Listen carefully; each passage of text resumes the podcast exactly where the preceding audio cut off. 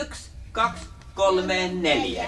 Hevonen on has, pappi on pes, suora on san ja kaikki on ans. Kerran vielä.